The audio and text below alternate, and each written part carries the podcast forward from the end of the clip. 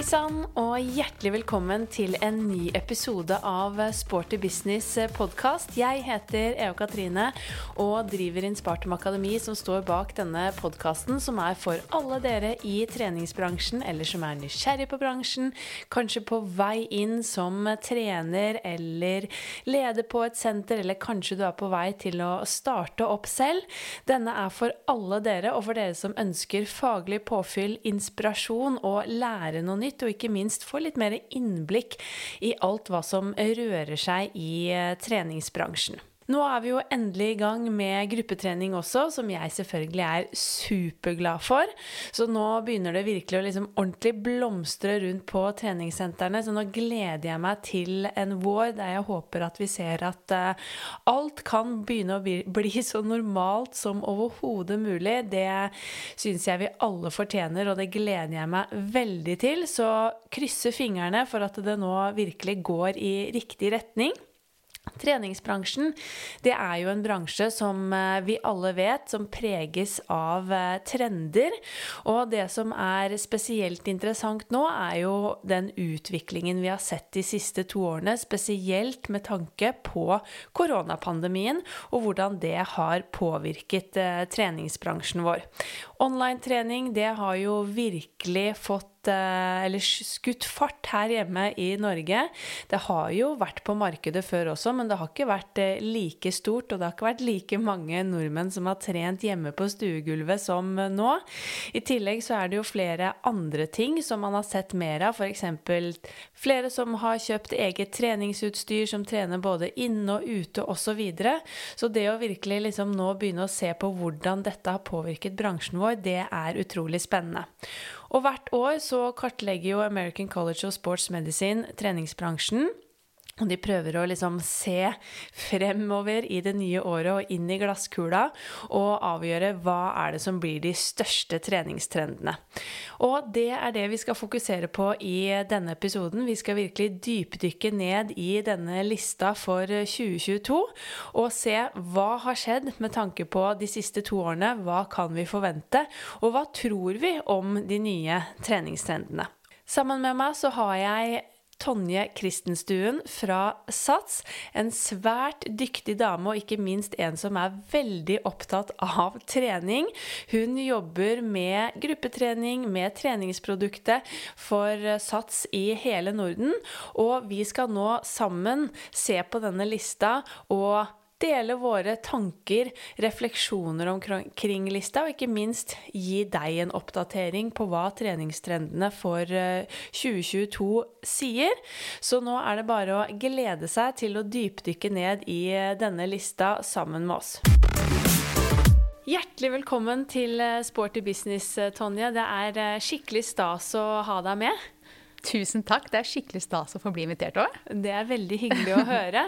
Det, jeg har tenkt på deg lenge om at eh, jeg måtte få til en uh, god sånn treningsprat sammen med deg, så det har jeg virkelig gledet meg til. Og vi er jo faktisk gamle kollegaer fra Elixia-tiden. Oh yes. Og jeg har til og med hatt gleden av å uh, holde vikartime for deg i høypuls på Kolbotn. så det var ja Gode, gamle tider. Det var det virkelig. Nei, men Det er utrolig hyggelig å få lov å bli invitert. Det er hyggelig å høre. Mm. Og for de som da ikke kjenner deg like godt som meg, kan du ikke fortelle litt om uh, hvem du er og hva du gjør uh, i SATS fortsatt uh, i dag? Nå heter du jo SATS og ikke Liksia lenger. Mm. Det kan jeg absolutt. Jeg heter Tonje Kristenstuen, og jeg jobber som Nordic GX Content Manager i SATS. Eh, veldig fin tittel. Fancy, fancy navn. veldig fancy navn. Eh, altså, jeg har jo egentlig ansvar for alt som er med innholdet vårt å gjøre på gruppetrening. Um, enten det er uh, live eller det er digitale flater. Så um, alt innhold, alle nyheter, all innovasjon, uh, alle altså releasene våre, de prekoreograferte programmene vi har, uh, og alt vi gjør av online-training, altså alt det er mitt ansvar sånn veldig enkelt forklart. Ja. Så innhold er min kjepphest, kan man vel si. Jeg skjønner. Mm. Men hvor lenge har du vært i treningsbransjen da? Når startet det hele? Eh, ja, når starta det hele? Det hele starta jo eh, Tonje 14 år, og jeg husker kjempegodt at jeg fant Det var en annonse i Groruddalsavisa at um, Grorud Squash Du kunne melde deg inn på Grorud Squash for 1500 kroner på ett år. Oi, ja. Jeg, jeg tror at jeg fikk forskudd på konf-pengene mine. for at jeg skulle få lov å bli medlem på den, altså det som da var Grorud, Squash.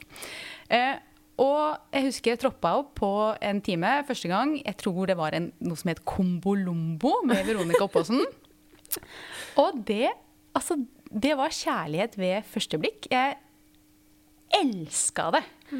Em, og den forelskelsen har jo sånn sett vart eh, Altså den blir bare større og større og større for hvert år som går. Så mm, jeg har egentlig aldri jeg har egentlig aldri begynt i treningsbransjen. Jeg vil heller si at jeg nesten har vokst opp i hele treningsbransjen og vært med på all utvikling som har skjedd. Og også vært så heldig at jeg har fått lov til i ganske stor, i ganske stor grad å være med og påvirke hvordan utviklingen skal skje, og hvordan det skal se ut i salene våre. Ja. Så det har vært en eh, livslang reise, kan man vel kanskje si. Spennende. Men jeg må bare spørre Kombo Lombo, hva var det? det, var, det var vel en sånn type et, Jeg mener husker at det var en skikkelig Det var en aerobic-time, men med veldig høy puls, Ja, tror jeg. skjønner. Men hvordan ser eh, hverdagen din ut eh, i Sats i dag, da? Du underviser fortsatt også? Eh, Ja, det gjør jeg. Eh, har timene mine, eh, men er, hverdagen min i Sats er ekstremt variert. I dag så sitter jeg og gjester podkast med deg. Eh, I morgen så skal jeg være på eh, treningssenter sammen med mastertrenere. Vi holder på å utvikle et helt nytt produkt Du-du-du, som har lansering i februar. Det er helt sykt spennende.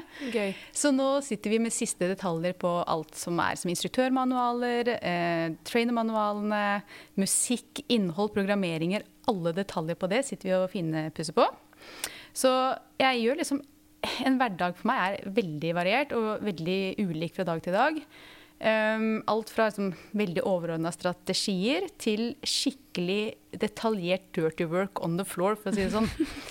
ja. Men det er klart at eh, en helt vanlig kontordag på Sats er eh, veldig mye møter og sladring i lunsjen som på alle andre kontorer. Ja, Strengt tatt. ikke sant? Men, ikke sant? Men hvilke timer er det du underviser i fortsatt, da? Du, jeg har eh, fortsatt en, ny utgave av Kombolombo som heter Radio Energy. Og så har jeg In the Running, og jeg har Butlicious. Ja. Ja. Kanskje vi skal ta tilbake Kombo Lombo? det blir det nye. Men jeg må jo spørre deg også, da, som du sier er oppvokst nærmest i treningsbransjen. Hva er det du syns er det beste med denne bransjen? Å, herregud. Det beste med bransjen er jo at man faktisk eh, kan jobbe med det man elsker mest. Eh, hvor mange er det som kan si at de liksom har hobbyen sin som eh, jobb? Det er utrolig takknemlig for det. Ehm, og så er det sånn at det, man får jo jobbe med folk som også elsker det samme som seg selv. Eh, og veldig mange som jobber med gruppetrening og jobber i treningsbransjen, er jo idealister. Det er liksom en sånn ekstrem passion for eh, det man gjør, og det jeg tror jeg er ganske unikt for treningsbransjen. Um, og så har vi jo vi har jo medlemmene våre, så må ikke glemme dem. Det som, noen av de beste dagene jeg har, er når jeg er ute på klubb og jobber fra senteret og møter de lojale medlemmene våre som er der dag etter dag etter dag. Og jeg tror jo at jeg liksom fortsatt elsker den jobben her og er så utrolig glad i treningsbransjen, fordi jeg virkelig jeg, Eller jeg veit at vi gjør en forskjell. Jeg tror virkelig at vi er liksom en folkehelseaktør, og at vi gjør folk både friskere og gladere. Og at vi gjør en forskjell ja, på folkehelse. Så det gjør at jeg som er utrolig glad i den bransjen her. Mm, virkelig. Jeg vet jo også at du har jo veldig stor lidenskap for gruppetrening, sånn som meg, og det var jo der vi først møttes eh, i eh, Elixia. Jeg husker jeg syns jo det var stor stas når jeg ble spurt om å være vikar da på dine høypulstimer. Eh, men eh, når du da fikk ditt første møte med treningsbransjen, var det da gruppetimer som du liksom ble frelst av fra dag én og fortsatte med, og når begynte du selv å undervise? Eh, ja, det var det. Eh, det, var, det var absolutt gruppetrening. Eh, jeg begynte på Sats i Eller på det som var Grorud Kors, i 92, tenker jeg. Da var jeg 14 år. Eh, og så begynte jeg Jeg tok mitt første kurs selv eh, i 93. Ja. Så eh, jeg har vært der nå da i ja, det, Neste år så er det tror jeg 30-årsjubileum, faktisk. Ja, ikke sant? Så, og det har vært gruppetrening. Og det var grupp, altså, gruppetrening var alt. Det var det, det, var det vi gjorde. Um, jeg hadde timer, og jeg jobba til og med um, Før i tida så kunne du pante vinflasker på Vinmonopolet. Jeg jobba altså, jeg husker ikke, jeg jobba time etter time. Det eneste jeg gjorde, var å sortere vinflasker. Panteflasker. Og alle pengene som vi tjente den gang, de brukte vi eh, på å ta tog eller buss og bo på sånn derre noe høl av noen vandrehjem i Gøteborg for å trene på Olympic. Ja, det var det vi gjorde. Og kjøpte drop-in på Olympic og var der hele dagen. Trente alle timer som var. Og så tok vi tog hjem igjen. Og det gjorde vi liksom Det var det vi gjorde. Ja, hele herlig. livet dreide seg om gruppetrening. Eh, det var liksom ja, og det har for så vidt også Det har fortsatt. Det er, det er mitt ekteskap. Det er gruppetreninga. Fantastisk. Men uh, nå har jo dessverre gruppetrening fått seg, uh, ja, fått seg litt store utfordringer med tanke på koronapandemien de siste par årene. Hva tror du skal til for at liksom, vi virkelig klarer å løfte gruppetreningsproduktet ut på senteren igjen nå når uh, det til slutt forhåpentligvis liksom virkelig blir åpenhet og, mm. i samfunnet og litt mer sånn normal hverdag? Det er jo dessverre sånn at vi har både vært stengt og åpna ganske mange ganger det siste um, året. Og med det vi heldigvis ser, at de som er aktive på gruppetrening, de står og klorer på døra og er ekstremt kjapt tilbake igjen. Mm. Altså Det er jo hallelujastemning. Ja. eh, så jeg er ikke bekymra for at dem ikke skal klare å komme seg inn. Men så er jo også sånn at folk har jo fått dårligere helse eh, gjennom pandemien. Så jeg tenker jo at vi har en ekstremt stor jobb i å sørge for at vi har et tilbud som virkelig passer for absolutt alle. Eh, og at vi også klarer å kommunisere tilbudet vårt på den måten som gjør at sluttbrukeren faktisk forstår det. Mm. Og ikke minst at vi har ansatte eh, med kompetanse, eh, og som klarer å eh, veilede eh, brukerne våre på best mulig måte. Mm. Så det tror jeg er ekstremt viktig i tiden som kommer. Ja, mm. absolutt. Jeg tror jo også at som du sier at eh, det er viktig for oss å trene sammen og kjenne på det fellesskapet. Og mm. de som er entusiaster allerede, de sender meg jo Har jo allerede sendt meg liksom meldinger opp ja. gjennom de siste månedene og spurt liksom mm. Eh, hvor, Da når vi liksom Det har vært usikre tider, da, og spurt mm. sånn Når tror du vi er tilbake? Mm. Når er vi i gang igjen? Og det har jeg jo opplevd mange ganger nå liksom etter at eh, koronaen kom, så de er jo superivrige. Men det er jo sikkert også noen som kanskje har blitt litt mer uh, bekymret. Kanskje ikke har lyst til å møte liksom, store grupper med det første, mm. tenker jeg mm. også. Mm. Og de som kanskje har falt av, som ja. det er vanskelig å få tilbake igjen. Mm.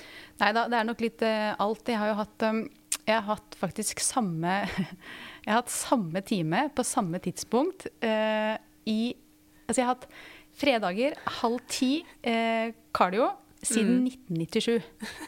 Altså, det, hatt, det, er samme timen i 25 år.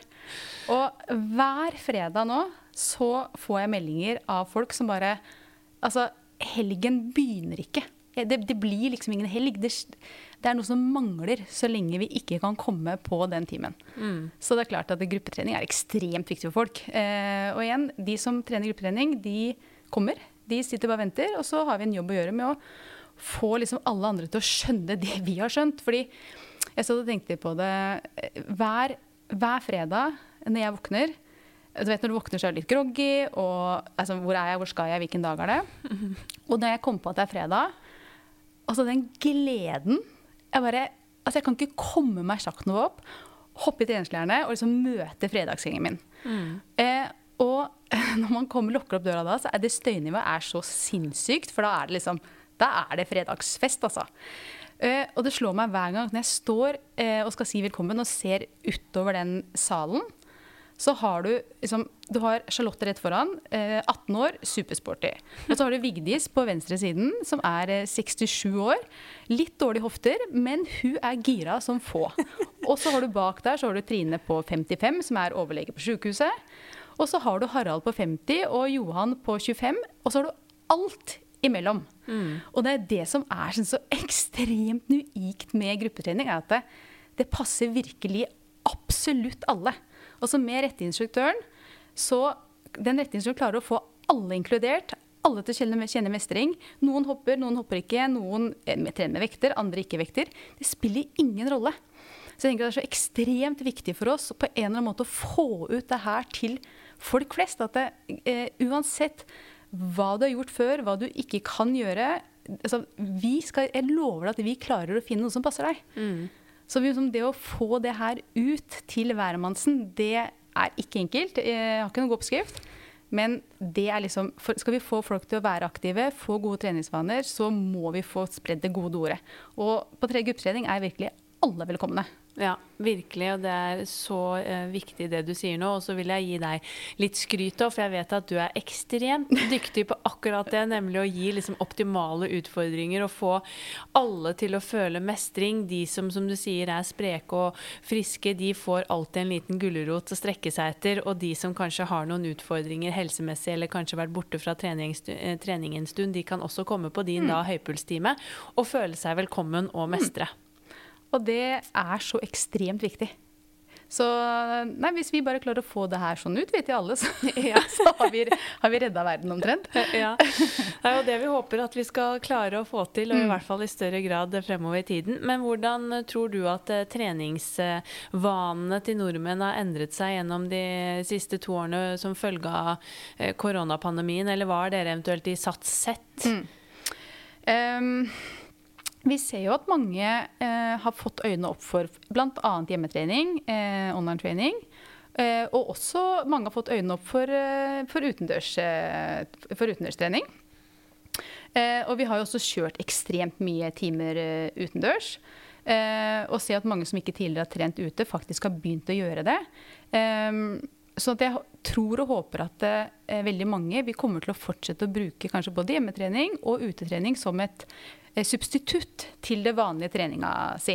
Mm. Før så ville de kanskje droppa dratt på trening eh, fordi de ikke rakk å komme ned på treningssenteret. Men nå håper jeg og tror at de faktisk ser at det finnes andre muligheter der ute. Eh, og det er fantastisk bra. Mm. Og så klart, Vi ser jo også at uh, treningsmønstrene har, har endra seg bitte litt. Uh, veldig mye pga. hjemmekontor. Mm. Så vi fyller jo opp nå som vi har at du må booke deg på tid på, også på fitness floor eller på studio. Så fyller vi jo lett opp tider som uh, midt på dagen, som tidligere har vært ganske glissent stort sett ute på treningssentrene våre. Nå er de fulle. Så folk tilpasser seg, er fleksible og endrer jo treningsmønsteret på den måten. Og så vil nok eh, mye av det her endre seg tilbake igjen når vi får en mer stabil hverdag. Så endrer nok mye seg tilbake igjen. Men klart, eh, hjemmekontor har for mange kommet for å bli i mm. større eller mindre grad. Så at vi kommer til å se liksom litt endring av treningsmønstrene videre også, det er jeg ganske sikker på at vi gjør. Mm, mm. Helt klart. Mm. Og jeg tenkte jo at vi sammen skulle bevege oss liksom, eller ta for oss litt denne listen over treningstrendene da, for det kommende, eller for det nye året vi er inne i. Og den er jo da utarbeidet av American College of Sports Medicine, og de gjør jo en eh, internasjonal spørreundersøkelse og kartlegging hvert år for å prøve å liksom finne ut hva blir de store treningstrendene for det kommende året. Eh, og årets eh, topp ti ti er jo nå da Wearable Technology. De har jo ligget nesten på førsteplass eh, eh siden eh, 2016, bortsett fra et par år hvor de har vært eh, litt ned på lista. Eh, og så er det Home Exercise Gyms. Det er på andreplass. Tredjeplass så har vi outdoor activities. Fjerdeplass så er det strength, uh, strength, training with free weights. På femteplass så har vi exercise for weight loss. På sjette personal training. Det har droppet også litt fra tidligere. Mm. Uh, nummer syv high intensity interval training, eller HIT-trening. Uh, nummer åtte bodyweight training. Og litt overraskende kanskje, ni online live or on demand exercise classes og på T Health and Wellness Coaching. Og så kan jeg jo skyte inn det at gruppetrening som vi er veldig glad i, har dessverre sunket ned på 20.-plass på lista, men selvfølgelig som følge også da mm. av koronapandemien mm. i veldig eh, stor grad. Mm. Så jeg tenkte vi skulle jobbe oss gjennom litt eh, denne lista og snakke litt om hva også vi tror. Yeah. Eh, men som jeg nevnte, så er jo wearable technology det ruler fortsatt på toppeplasseringen. Alt av teknologi og aktivitetsklokker og pulsbelter og og apper osv. Men så har jo da Home Exercise Gyms mm. kommet på andreplass. Kanskje ikke så veldig overraskende nettopp pga. den eh, pandemien vi har vært og er i. Men eh, hvordan tror du det kommer til å bli når ting åpner opp igjen? Tror du det kommer til Tror du vi som jobber i treningsbransjen kommer til å se en stor endring der? At folk faktisk velger hjemmegymmet fremfor treningssentrene? Um, nå kan jeg snakke på vegne av Sats. da. Og uh, Sats vi er jo i hovedsak etablert i de store byene og de store distriktene. Eh, og det er jo ofte sånn at de som bor i byer, de bor også litt eh, trangere. I mindre kanskje leiligheter. Eh, og medlemsmassen vår Vi har 50% av våre medlemmer er under 36 år. Mm. Dvs. Si at mange er eh, kanskje studenter, veldig mange er i en type etableringsfase. Eh, økonomien er hos mange i hvert fall ikke helt på topp enda. Sånn at eh, for Sats sin del så er absolutt ikke hjemmetrening eller egne treningsrom noen sånn veldig stor utfordrer eh, på noen som helst slags måte. Så jeg tror jo eh, på samme måte at det, som vi har snakka om både med online-trening og utetrening og sånne ting, at det, eh, de som har etablert eventuelle treningsrom, kommer definitivt til å fortsette å bruke det som et substitutt. Men jeg er veldig sikker på at når verden er litt mer tilbake til det stabile, så er folk også tilbake igjen til de vanlige treningsrutinene sine på treningssenter for de som har tilgang til det. Mm. Og de som har større treningsrom og type garasje, og sånne ting, de hadde det også tidligere, helt uavhengig av korona. Så um, ikke noe rart i det hele tatt at den ligger som nummer to. Eh, men at den gjør noen stor endring eh, for folk flest, det tror jeg nok egentlig ikke. Nei. Jeg ser jo bare med meg selv hvor mye utstyr man har kjøpt de mm. siste to årene og holdt på hjemme. Mm. Men samtidig så er det noe med det å bare få en liksom miljøforandring i hverdagen, møte folk. Ja. Det å komme et annet sted. Altså det har veldig mye å si. Ja, så jeg tenker jo litt som deg, at uh, mange har kanskje investert i det, og at det blir et ja, supplement ja. til et treningssenter, og at man kan bruke det i ferier eller de dagene hvor det er hektisk og mm. man ikke kommer seg på mm. treningssenteret. Men jeg tror jo mange vil savne savne den arenaen å møtes på. Uten At det ikke ender opp bare med liksom Jeg har jo tenkt det selv gjennom de siste turene. Det er hjemmekontor og det er hjemmegym. Mm. Og det er liksom mm. Alt foregår hjemme. Ja. Og man blir jo lei av det. Ja. Veldig. Nei, det er, men jeg, igjen da, så uh, tenker jeg at veldig mange har jo kanskje fått øynene opp for det og ser at det er, en, det er jo en mulighet. Uh, og før så ville nok mange droppa treninga den dagen de ikke rakk å komme seg på treningssenteret. Og det håper jeg jo at folk ser at det finnes jo faktisk andre mulighet uh, for å være aktiv i hverdagen uten at du nødvendigvis må komme ned til oss, hjertelig velkomne, men gjør noe, for guds skyld heller noe annet enn å droppe treninga pga. det. Mm. Og det tror jeg nok at folk har blitt mye mer fleksible på. Absolutt. Mm. Og utetrening ligger jo nå da på tredjeplass, og den har jo også liksom kravlet oppover lista mm. siden 2020 egentlig, hvor vi ble tvunget til å bevege oss mer ute enn inne. Eh, og det har jo blitt kjempepopulært. Tror du at dere i Sats f.eks. kommer til å fortsette med tilbud utendørs eh, også når hverdagen blir normal? Ja. Eh, det tror jeg. Vi ser jo Vi har jo gjort det nå i mellomperiodene. Fortsatt satt og, og eh, tilby utenrikstrening. Og det er et tilbud veldig mange setter ekstremt stor pris på. Um, både fordi de har fått liksom, øynene opp for at det faktisk går fint an å trene ute selv om det er litt dårligere vær enn 20 grader og sol.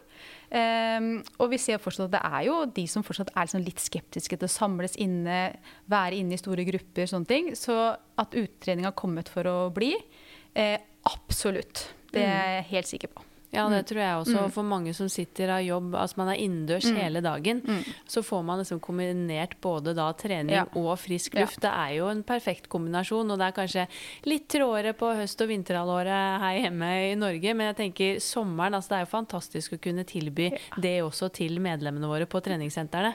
Absolutt. Og så tror jeg mange av oss kjenner på at det, når vi sitter inne eh, og veit at du skal ut og trene, og det er kaldt og det kanskje er mørkt og sånne ting, så er det sånn der, Man får litt vondt i vilja, men så har vi gjort det såpass mye nå de siste åra at vi også veit at idet jeg er ute, så spiller det ingen rolle for meg om det begynner å snø eller regne. Altså, verden kan dette sammen i sakte film. Jeg vil ikke merke det, fordi jeg er liksom er, Du er jo på, på toppen av deg sjøl. Ja, ja. Det finnes jo ikke noe bedre. Som man som har gjort noen ganger, så vet du at det er bare å pelle seg ut. Fordi når man er ute, så er alt annet glemt. Det har ikke noe å si om det er sol eller regn, fordi treninga den, er, den skal gjennomføres uansett. Og man er så innmari i den bobla at du liksom ikke merker det engang. Og så føler man seg kanskje ekstra rå etterpå. Gjett om, da. Snakk om å være on the top of the world. Hæ? Ja. Så deilig. Det er sant. Eh, på fjerdeplass så har vi jo da trening med frivekter, og på femteplass så er det jo da eh, trening for vektreduksjon. Mm. Jeg tenker dette med frivekter er jo også kanskje en liten sånn følge av eh, den perioden vi har vært gjennom. Noe som Fordi det gjør det enklere. Man kan gjøre det hvor som helst. Man kan gjøre det ute, man kan gjøre det inne. Flere har kanskje investert i sånn type utstyr. Og når jeg leste meg gjennom denne altså bakgrunnen for eh, disse treningstrendene i år, da, og denne spørreundersøkelsen, så sto det jo det at eh, dette med trening for vektreduksjon også muligens kanskje hadde, kom som en følge av koronapandemien igjen. Hvor man antar at flere dessverre har eh, fått eller, eller redusert helse, og kanskje også gått opp i vekt. Eh, og videre så finner vi jo mm, ja, personlig trening, hit-trening som har vært på lista i mange år. Eh, egenveksttrening, som også selvfølgelig er enkelt å kunne gjøre hvor som helst. Men så syns jeg det er kanskje litt overraskende at online-trening har havnet så langt nede som på niendeplass. Det har jo virkelig liksom blomstret siden 2020 og virkelig fått fotfeste her hjemme i Norge også. Hva tenker du om det, og hva tror du det skyldes at det kanskje har havnet såpass langt ned. langt ned på lista? Um, altså jeg tror vi ofte tenker at online-training er noe som er veldig nytt. Men det er det jo for så vidt ikke. Altså, eh, Peloton etablerte jo seg selv i 2012. Eh, vi satsa etter online-trening, jeg tror det var i 2016. Så det er jo det er ikke noe nytt sånn sett. Men klart online-trening fikk jo en renessanse. Altså en virkelig sånn seriøst peak Ja, ja. nå under, eh, under covid eller under, under pandemien. Eh, og hvorfor det nå liksom har sunket såpass langt ned, er jo vanskelig å si. Men det er jo naturlig å tenke seg at vi har vært i en periode nå hvor det har vært mindre eh, Hvis vi snakker liksom nå i høst, så var det jo mindre kanskje fokus på eh, pandemien fordi at eh, flere og flere ble vaksinerte, og vi så at samfunnet åpna mer og mer opp. Så vi ser at hele den lista her bærer veldig preg nettopp av å være i en korona eller en pandemi, eller gitt i en pandemi. Og jeg kan tenke på at det er mange som har tenkt at, vi, at den pandemien er på vei over. At det er liksom, vi er litt sånn ferdig med det. Og at eh, online-trening er kommet så langt ned på lista fordi man antar at folk nå er ekstremt klare for å komme seg ut av eget hjem og samles og trene sammen igjen. Ja. Så jeg kan tenke meg at eh, det er sånn hovedgrunnen til at den er såpass langt nede. Eh, men så viser det at korona var ikke ferdig. Eh, vi er fortsatt dessverre eh, litt eh, tvunget til å være, til, til være, være hjemme og trene, fortsatt, fortsatt trene hjemme. Så, og uh, i SATS så har vi jo aldri tenkt at online-trening er noe som bare skal pike under korona. Det er derfor vi også har lansert liksom Mentra by SATS og virkelig har tenkt at, eh, og tror virkelig på at online-trening er noe som har kommet for å bli. Ja. Um, så at den har havna langt ned, tror jeg som er veldig pga. den situasjonen vi har vært i. Ja. Men at uh, vi kommer til å fortsette å se online-training, og at den kommer til å toppe listene fremover. Eller i hvert fall kanskje ikke toppe, men få være veldig høyt oppe. Det er jeg helt sikker på. Ja, det tror jeg òg. Som du sier, altså online-trening er jo virkelig ikke noe nytt. Og vi har jo også hatt uh, ulike tilbydere av det her hjemme i Norge. Men det har ikke vært Altså jeg opplever jo at det har vært mye større i andre eh, land enn hva det har vært i Norge. Så for mange så føltes jo online-trening ganske nytt i Norge. Og nå har det jo kommet mange aktører på markedet, og det begynner å bli ja, profesjonell god kvalitet. Så Ja. det har jo virkelig fått feste, og tror jeg også kommer til å også bare bli en viktig og stor del av treningsbransjen. Og igjen et eh, supplement til også det å kanskje trene på treningssenter. Mm, absolutt. Jeg husker jo for mange år siden, nå kan det ha vært da, kanskje 12-13 år siden, jeg var på Idea Convention i kan det ha vært kanskje i Las Vegas, spiller ikke noen rolle. Men jeg husker jeg var på et foredrag der med en som heter Charlene Johnson. eh, Som er en sånn eh, coach, lifestyle coach i USA. Og eh, jeg skal ikke siteres på det tallet her, nå siterer jeg det sjøl. Men jeg mener å huske at hun den gang sa at hun hadde solgt 50 millioner hjemmetrenings-DVD-er Ja, av noe som heter TurboKick. Og det var jo ganske mange år før vi i det hele tatt hadde tenkt tanken på å snurre rundt hjemme i stua til eh, noen hjemmetreningsvideoer. Så det er klart at, eh, at det, sånn som for USA, så er jo i hvert fall ikke det her eh, med hjemmetrening noe, noe nytt. Virkelig ikke. Um, så nei, men, men, jeg er helt bombesikker på at hjemmetrening det kommer til å, vi kommer til å se masse av i tiden fremover også. Mm. Uten tvil. Men syns du eh, denne listen fra American College of Sports Medicine, på en måte, eh, og kanskje også fra tidligere år, er det liksom noe som du føler gjenspeiler trendene her i Norge også? Er det noe dere ser liksom Dere kan knytte direkte opp til liksom trender og etterspørsel også i SATS? Mm. Eh, I det store og hele så ja. Eh, jeg syns jo ofte at eh, kall det våre interne lister eller fokusområder, stemmer ganske bra med det som også kommer fra ACSM. Um, ehm, uh, eh, vi har liksom helt sånn opplagte ting nå, da, som eksempel outdoor, vi har personal training, vi har hit, vi har online. Uh, du har uh, strength training med free rates, som er som helt naturlig, som er veldig typiske liksom, trender akkurat nå. Mm. Um, men så er det jo også Det er også en del ting som jeg hadde trodd da kanskje skulle komme høyere opp. For så ser jeg at um, exercise is medicine ligger på 12.-plass. Mm. Og yoga er nede på 15.-plass. Det er jo egentlig ganske langt unna hva uh, vi Eller hvordan vi tenker på det.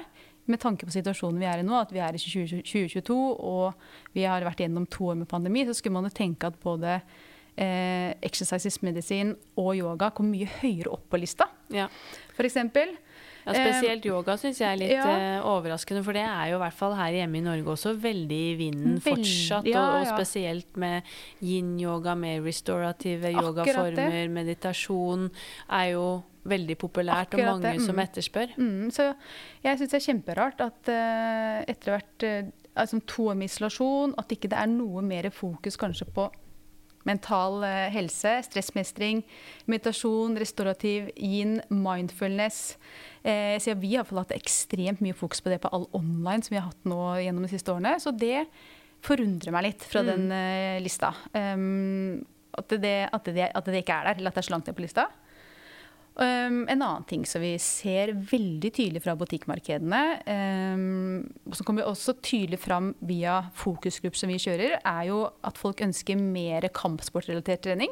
Ja. Den er jo ikke der i det hele tatt. Uh, og det er sånn typisk trend som vi ser ekstremt tydelig. Um, vi ser jo også at butikkmarkedet også kommer jo altså det, det er, De tar jo med seg mange trender, bl.a. Liksom det fokus på atmosfære, at det skal være gøy å komme på trening. Ja, man skal selvfølgelig komme på trening fordi du skal trene og du skal bli sliten og du skal nå målene dine. Men det skal også, du skal også være en treningsopplevelse. Så trening som opplevelse hadde jeg også kanskje trodd skulle etter hvert komme med på lista. Og, og, men det er det jo ikke ennå. Ikke Nei. i det hele tatt. Så det er sånne ting som vi har masse fokus på, men som ikke er på lista her i det hele tatt. Um, så ja, noen ting stemmer veldig bra, andre ting stemmer jo ikke helt. Nei, ikke sant. Så sånn, sånn, er det jo. Jeg syns jo også at uh, det er litt uh, overraskende at dette med å ansette på en måte høyt kvalifiserte trenere og personlige trenere også har havnet langt mm, ned. Mm. den ligger jo på nummer 13.-plass, altså Employing Certified mm. Fitness mm, Professionals. Mm, og det òg tenker jeg er spesielt viktig. Det henger jo litt sammen med exercise is mm, medicine. Det er jo veldig viktig, og mm. det er også kanskje både litt sånn skuffende, men også rart at den har droppet ganske langt ned mm. på lista. Mm.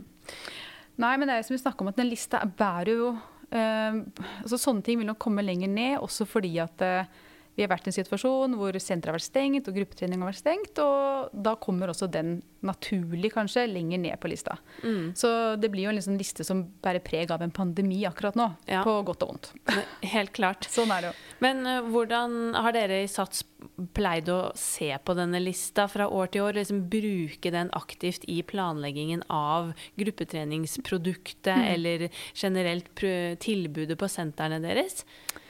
Um, Egentlig så er svaret faktisk nei. Mm. Det har vi ikke. Og, men det handler eller det handler, men i hvert fall litt av det er jo også med timing. fordi stort sett så kommer jo eh, sin liste kom jo i slutten av et år. Eh, da er vi ferdig planlagte. Ja. sånn at eh, det vi, vi jobber ikke med den aktivt. Egentlig nei. Nei. Men det er alltid spennende når den kommer.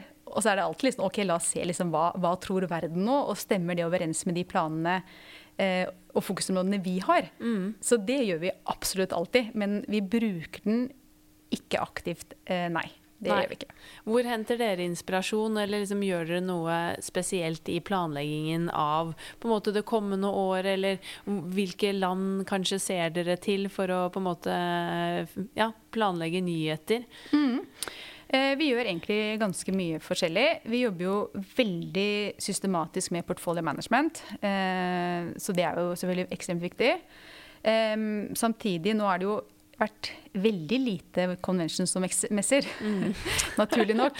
Men det er klart at eh, vi er jo alltid nærværende på de store messene og conventionene som er eh, rundt om i verden. Det som er litt det, kjedelig med de største messene, er jo at det, er, det er innmari dyrt Ja. å få standplass og være stand på store internasjonale messer.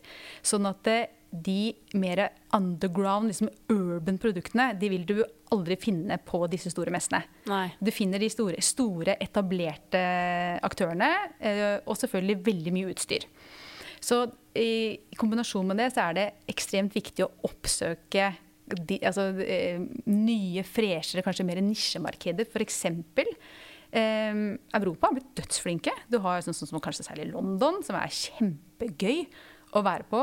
Eh, Berlin er på vei opp. Det er alltid spennende å være liksom, i New York og de store byene. Så det å, å være ute og gjøre liksom, field trips er kjempeviktig for oss når vi tenker liksom, eh, plan- planlegging og, og innovasjon. Ehm, vi eh, kjører også fokusgrupper, eh, hvor vi både gjør sånn dybdeintervjuer med medlemmer og ikke-medlemmer for å høre hva eh, rett og slett hva ønsker dem. Hva, hva ønsker de mer av, eh, f.eks. Eh, vi følger også veldig nøye med liksom, på sosiale medier og influensere. Eh, hva, som koker, eh, hva som koker der. eh, og ikke minst så har vi vår egen Innovation Lab.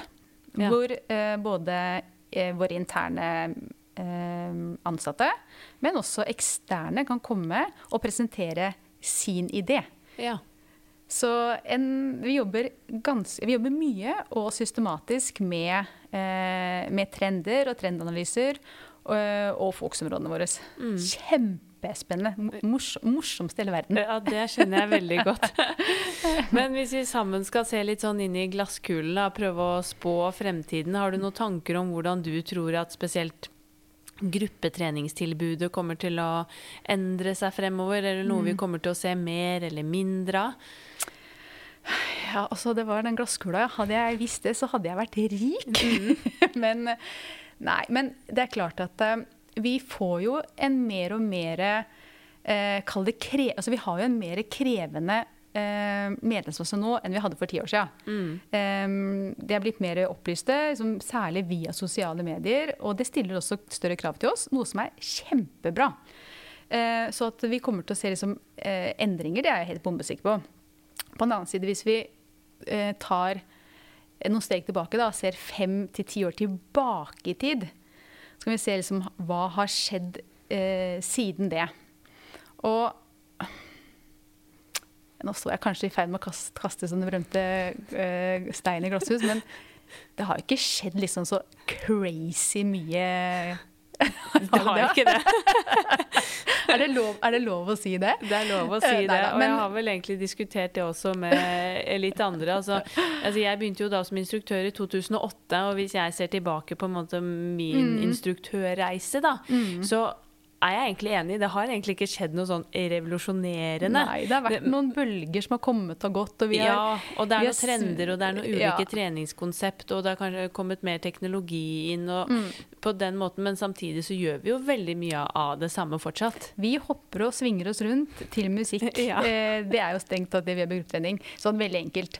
Neida, men, men, eh, nei, men det som det vi jo definitivt hadde veldig mye mer av før, som vi ser eh, mindre av, og som jeg dessverre tror vi kommer til å se endre mindre av, det er jo mer, de mer avanserte timene våre og type trinntimer. Mm. Dessverre. Det hadde vi jo eh, mye av for ti år siden. Det eneste vi hadde for 20 år siden.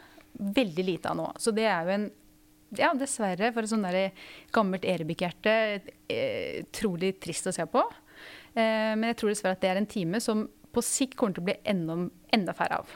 Mm. Um, Hva vi- tror du det skyldes? Uh,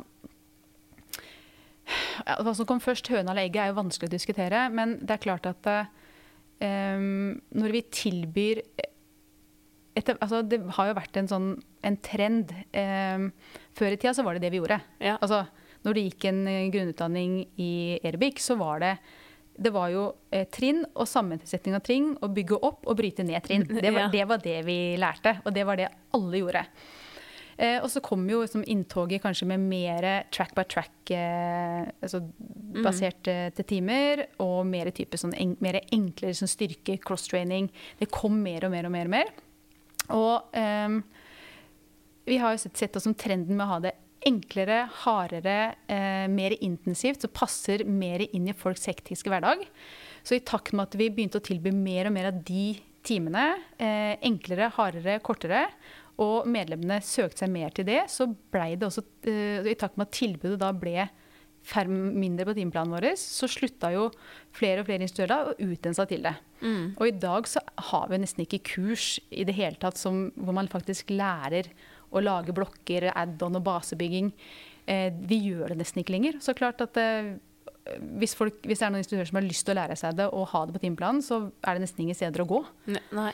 Så Nei, for, det, for jeg også elsker jo trinn og, og dansetimer, men det er også interessant å se, for det er veldig mange som etterspør det også, opplever jeg. Og sånn som i Atletica hvor jeg jobber, så hadde vi masse av det før. Vi har det fortsatt, men ikke på eh, så mye. Nei. Men mye pga. at vi ikke har nok instruktører som kan ha de timene. Mm. Eh, og da er det jo veldig mange som etterspør de timene. Så vi har jo satt opp flere sånne type timer. Mm. Uh, og i Inspartum så har jo altså de utdanningene vi har hatt på trinn og Mm. på koreografi og blokkbygging, har jo faktisk vært en av de mest populære.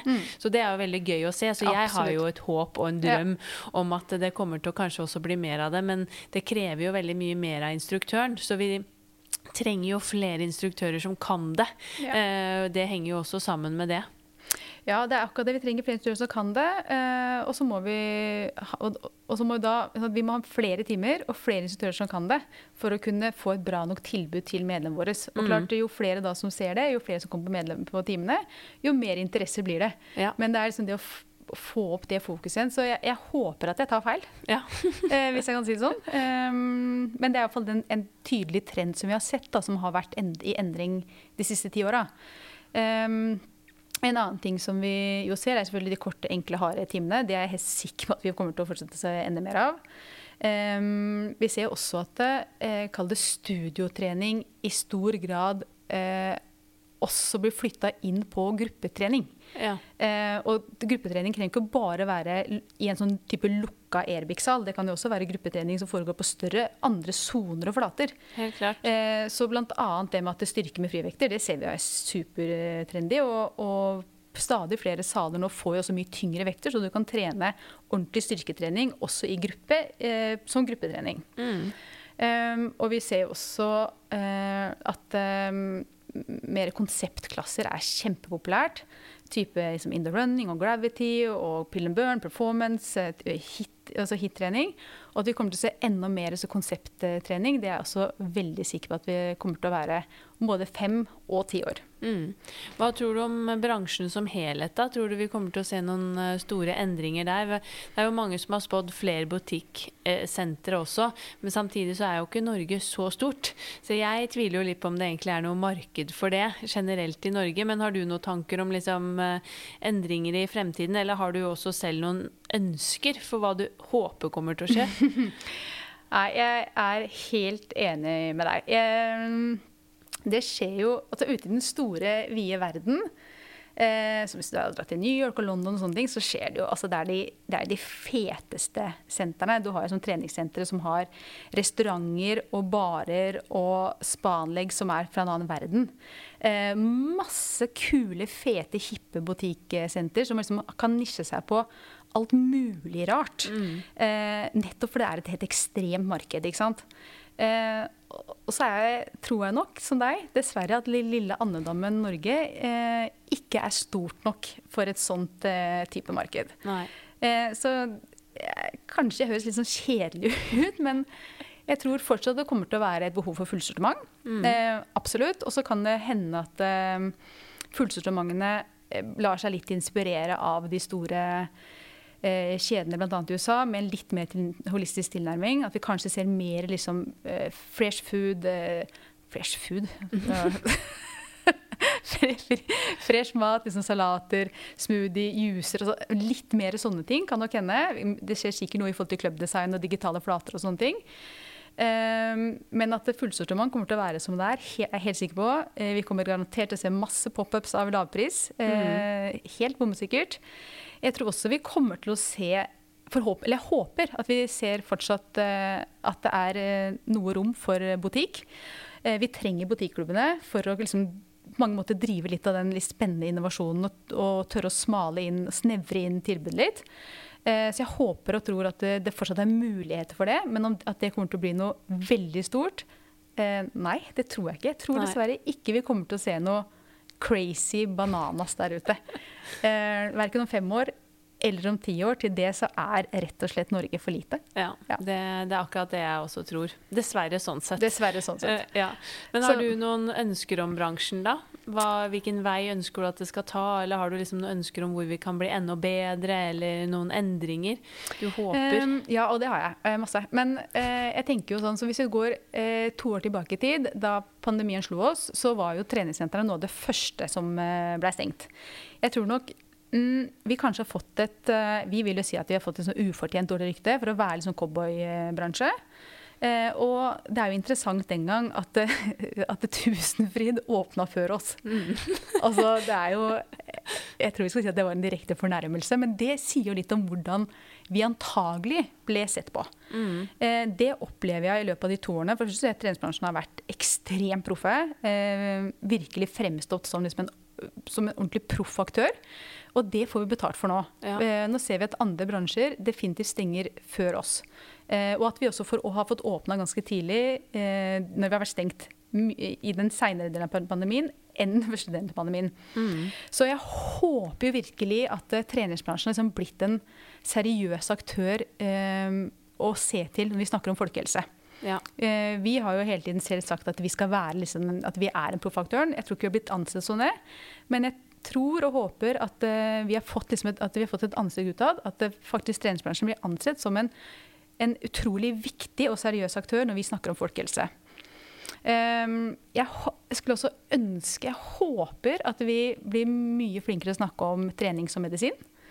Um, I min drømmeverden så hadde jo trening vært uh, et fag på mm. medisinstudiene. Mm. Ja, og jeg drømmer skikkelig om at en dag så får du trening på blå resept. Ja det er, eh, det er Og jeg tror, jeg tror, vi kommer til å komme dit òg. Mm. Kanskje ikke om fem år, men at vi kommer til å komme dit, det tror jeg virkelig som genuint håper.